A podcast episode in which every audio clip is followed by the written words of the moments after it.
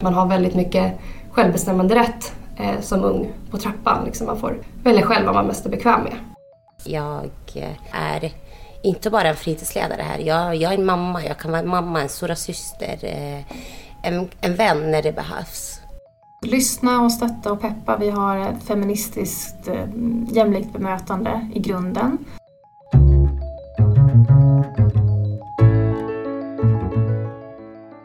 Hej och välkomna till praktikant-takeovern av Rätt som en plätt, barnrätt på vårt sätt. Jag heter Jona Mörn. Och jag heter Ellie Gustafsson. Och vi läser båda socionomprogrammet på Uppsala universitet. Vi är vår VFU den här terminen på Barnombudet.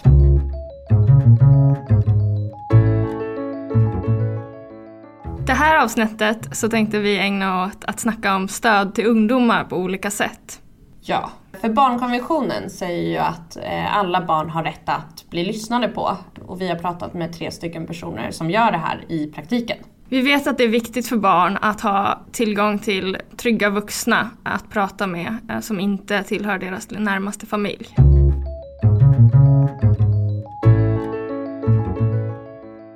En organisation i Uppsala som jobbar mycket med tillgänglighet för barn och ungdomar är Uppsala tjej och transjour. Om man hör av sig till Uppsala tjej och transjour så är man helt anonym och allt man behöver är en dator eller en mobiltelefon. Och då får man prata med en av deras volontärer. Vi frågade Chris-Emelie Denstedt som är samordnare på Uppsala tjej och transjour om inte hon kunde berätta lite mer för oss om jouren och hur de arbetar. Eh, men vi är nog en ideell förening och har funnits i Uppsala sedan 2005. Och 2017 så blev vi tjej och transjour. Så att då utvidgade vi vår målgrupp till att infatta liksom alla olika transungdomar. Vår huvudmålgrupp är liksom mellan 10 och 25 år, men vi avvisar ju såklart ingen som är yngre eller äldre. Så. Det vi kan göra är liksom att lyssna och stötta och peppa. Vi har ett feministiskt eh, jämlikt bemötande i grunden. Och vårt syfte är liksom att stötta på den som söker stöds villkor. Och också kunna liksom vara en brygga då, då den stödsökande önskar till andra stödinstanser i samhället. Så vi vill liksom kunna kanske vara den första som någon pratar med och, och kunna inge ett förtroende att så här, ja, men det här som du är med om till exempel inte är okej okay och det finns stöd och hjälp och att den personen sen kanske vågar ta det vidare till att få mera hjälp. Vad är det som unga hör av sig till att få stöd med? Det är sjukt mycket olika saker skulle jag vilja säga och de flesta jourer har ju ingen speciell inriktning utan man kan höra av sig om precis vad som helst. Men eh, det vi och många andra jourer ser är väldigt vanligt att höra av sig om är att man kanske mår lite dåligt eller mycket dåligt av olika anledningar. Och det kan ju vara allt från att man känner sig stressad i skolan till att man känner att Eh, så här, nej, jag vill inte leva längre. Så det är ett så här brett spann i, i det området.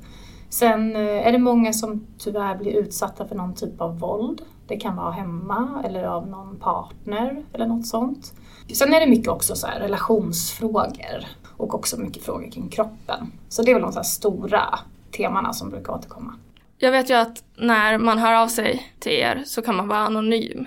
Ja, precis. Eh, det är helt anonymt att höra av sig till oss. Till exempel när man chattar med oss så kan man bara klicka på starta chatt och sen så börjar det. Man behöver inte skriva in något alias, man behöver inte ha ett konto och logga in eller någonting sånt där. Så det enda vi som svarar vet, det är vad du själv liksom vill dela med dig av. Och på så sätt så blir ju stödet, alltså det, det är du som hör av, sig, hör av dig till oss som har kontroll över det, så att säga. Vilket kan vara väldigt skönt. Vad tänker du, är det någonting som blir lättare eller svårare i stödet när det är anonymt?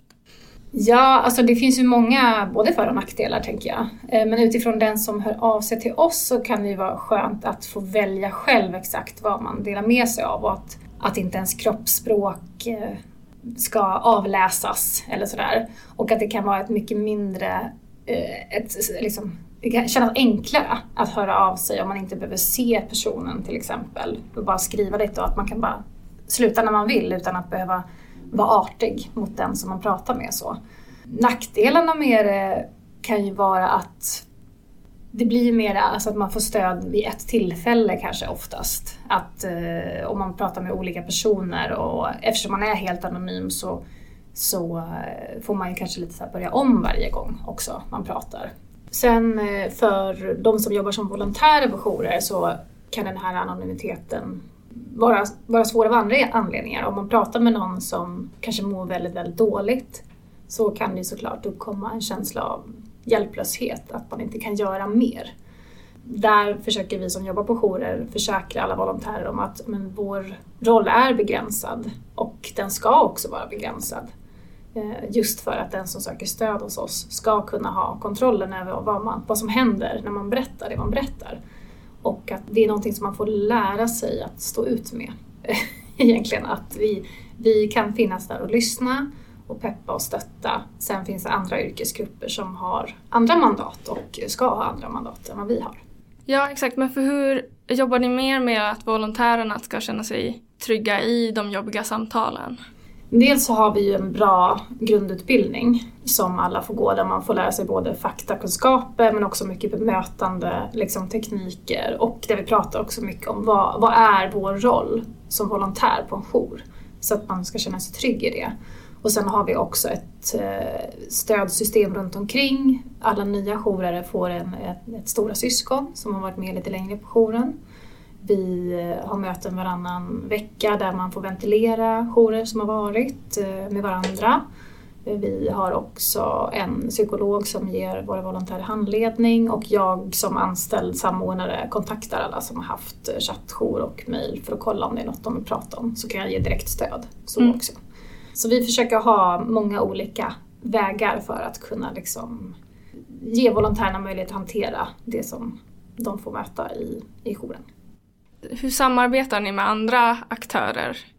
Ja, vi, alltså, som ideell förening så blir man ju, är man ju lite begränsad i resurserna. Men det vi gör är att vi har bra koll på alltså, var man kan få hjälp och stöd i andra delar av samhället och har en väldigt gedigen hänvisningslista. Beroende på vad det är för problem som en stödsökande kanske önskar få hjälp med. Om det är så att den vill ha mer professionell hjälp än vad vi kan ge så har vi möjlighet att hänvisa vidare. Finns ju också ett väldigt fint samarbete jourer emellan. Oavsett liksom var i Sverige jouren ligger så kan man alltid få stöd och pepp och, och hjälp av varandra. Det arbetet som jouren gör det är mer punktinsatser som är lättillgängliga. Men vi ska prata med Maha Omari som är fritidsledare på Lötens fritidsgård. Ja, hej Maha! Hej! Eh, kan inte du berätta om på vilket sätt ni erbjuder stöd till unga?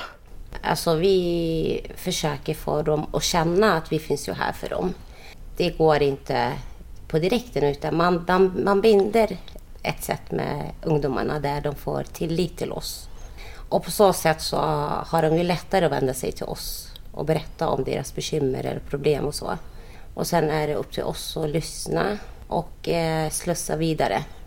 Vad kan det vara för typ av eh, problem som de kommer till med er? Det som oroar mig mest det är det här genom sociala medier. Eh, vilka hot de kan få, vilka kränkningar, vilka ord de kan kalla varann. Där är det ju jättesvårt att få stopp på det. Jag tänker att sociala medier kan vara lite så en, en gömd värld eller vad man kan kalla det. Att de, eh, för att de ska komma med någonting som har hänt på sociala medier så måste de ju verkligen ha liksom, tillit till de här vuxna personerna.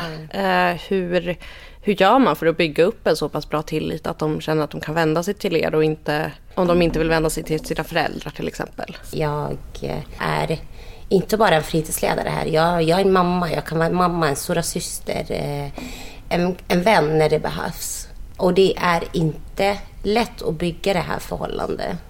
För vissa kommer hit, jag har haft vissa som har kommit hit och bara satt i ett hörn med sina mobiltelefoner. Så man försöker eh, sakta men säkert gå fram till den, det barnet eller ungdomen. Och kanske det räcker ibland med att säga hej, hur mår du? Mm. Eh, visa dem att de är sedda. Och eh, att det finns ju vuxna, vuxna som har sett dem, som går fram till dem och hälsar. Och jag tror genom det bygger man bra relation med ungdomen. Mm. Men självklart man får man får jobba. Det är, alla, alla dras inte till den. Utan man får jobba hårt. Och som sagt, då är det att gå fram hela tiden och försöka prata med den ungdomen fast den inte vill. Men att man gör ett försök och inte ger upp. Och får man inte ta tillbaka då ska man inte strunta och skita i den ungdomen. Utan man ska alltid gå fram och fråga hur mår du, vad har du gjort idag, hur har din dag varit? Sådana små snack kan ju betyda mycket. Man märker ju eller också att eh, vissa mår inte bra och du känner ju av den energin. Att den här tjejen eller den här killen, det är någonting. Och sen är det upp till oss att verkligen bry sig om den personen och gå fram och kolla vad, hur läget är. Den här liksom långsiktigheten mm. tänker jag också är väldigt viktig. Att så här, mm. För du kan ju följa ett, barn i, i, flera år ja. och det är ju ganska unikt. Ja, vi, våra ungdomar här, det är, de består av, vad kan det vara, mellan 20 till 30 tjejer och samma sak killar. Och jag säger 80 procent av de här har ju börjat, de började fyra här och att se dem utveckla och, och se dem och bli de personer de är idag. Man känner att man, man vill ge sig själv klapp på axel och känna att men, där har man lyckats, här har man funnits när de har behövts en. Så självklart att ta den från att de går i årskurs fyra till det året de fyller 18. Eh, ja, jag brukar säga till min man, det här är mina barn. Sen är vi ju, vi är ju tre personal som jobbar här och alla är så olika. Och jag tror det behövs på en arbetsplats att alla är olika. För vissa dras ju till Ismail till exempel och känner att där kan de få stöd och känner sig trygga. Vissa dras till Gustav. Vi mm. försöker också se till att varje individ som kommer in genom dörren, att vi är där och säger hej och välkommen. Är det en ny person, då välkomnar vi den personen. Men vad är det som är eh, unikt med rollen som fritidsledare då? Jo, men det är att eh, barnen väljer att komma hit och det är ju frivilligt att vara här. Ja, för dem det är bara att gå ut genom dörren. Men de väljer ju att vara här. Eh, så det är det som också är unikt för oss att eh, vi kan ändå vara seriösa och sätta gränser. Men det, det hindrar inte att de väljer att komma tillbaka. Det är ju inte bara barnet som ska ha tillit för nej. de vuxna utan nej, det är också det, ja.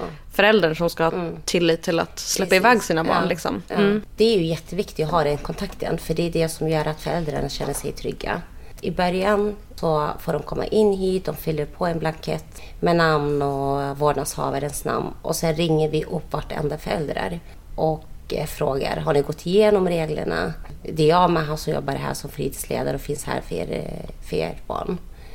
Så genom det så har man ju fått den kontakten. Sen är det så att vi gör ju hemringning ofta när det behövs. Då ringer vi till föräldrarna. Jag började ju exempel med min tjejkväll och då hade jag fem tjejer. För deras föräldrar kände inte att eh, de vill att deras barn ska vara här. För enligt dem det är ingen trygg miljö. Men sen tog jag kontakt med tjejerna som jag visste att ville vara på gården men fick inte. Och och eh, det var ju många tjejer så jag tog kontakt med föräldrarna.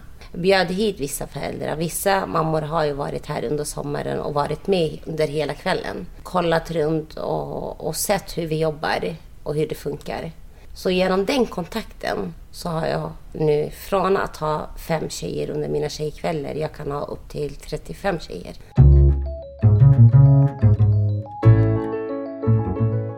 En annan verksamhet som arbetar mycket med hela familjen är Trappan i Uppsala. Vi pratade med en av våra kursare, Ebba Nilsson, som gör sin VFU på Trappan. Hej Ebba! Hej! nu är jag här.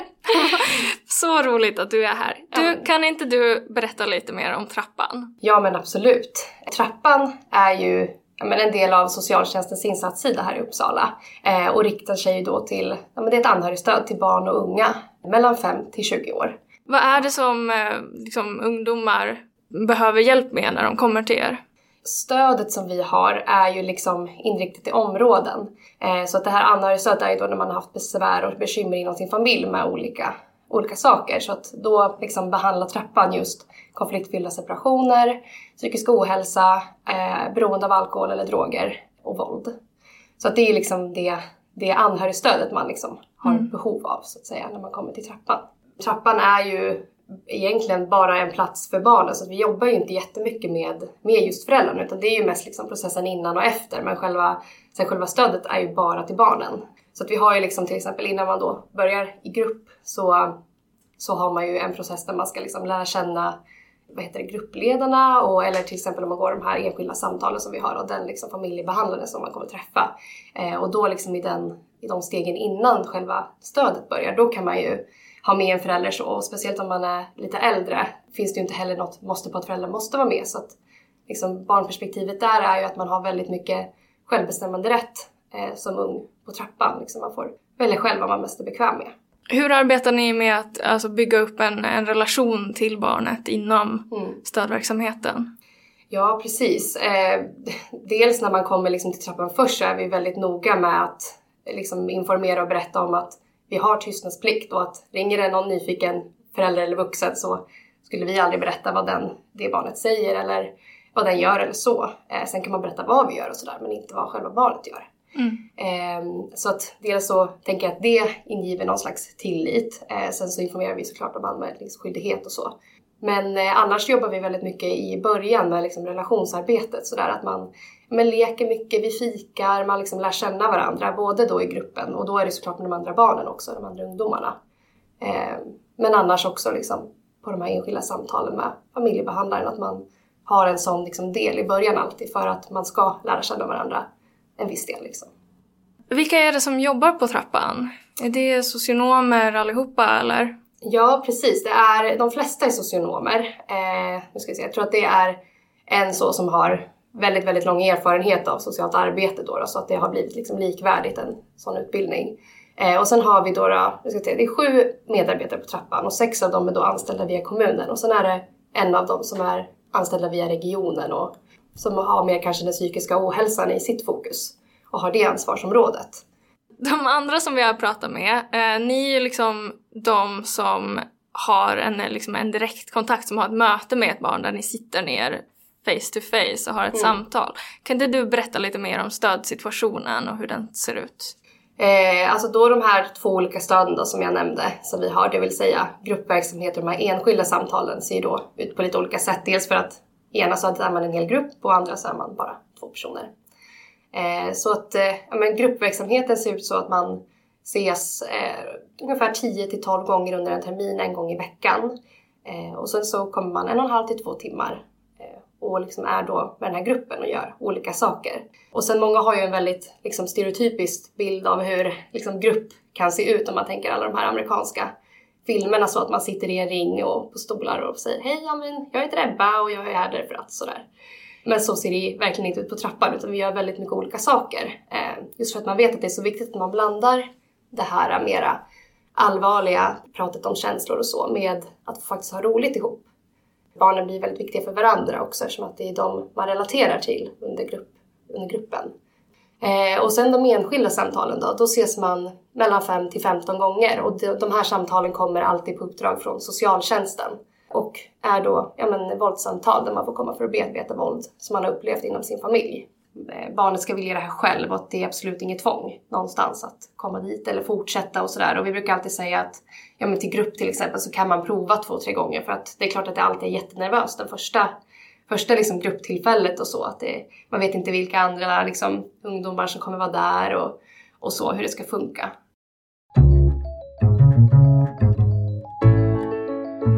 Då är det dags för avsnittet hiss och diss. Det vi tycker är det här avsnittet hiss är såklart alla verksamheter och personer som varje dag arbetar med att ge barn och ungdomar så bra stöd som det bara går. Hiss till er! Verkligen.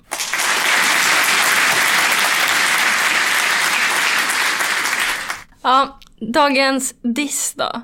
Det tänker vi att är utmaningen att hitta rätt sorts stöd. Det är ju superbra att det finns en massa olika verksamheter som jobbar på olika sätt. Men att hitta rätt i djungeln bland verksamheter och stödinsatser är inte alltid helt lätt. Nu har vi då hört tre exempel på olika stöd som går att få. Men det finns ju såklart en uppsjö med andra sorters stöd till barn och ungdomar. Mm. Men eftersom det finns så många olika instanser så är det kanske inte alltid lätt att hitta vart man själv ska. Om man vill få hjälp med det så kan man gå in på Barnombudets hemsida och klicka sig vidare till Få hjälp. Det finns till exempel en hänvisningslista på olika instanser man kan höra av sig till. Men om man inte hittar rätt där så kan man alltid ringa eller mejla oss så hjälper vi till. Hemsidan är boiu.se. Medverkande idag var Maha Omari som är fritidsledare på Uppsala kommun, Chris-Emelie Denstedt som är samordnare på Uppsala tjej och transjour och Ebba Nilsson som har praktik på Trappan. Ett stort tack till er som ville vara med i det här avsnittet.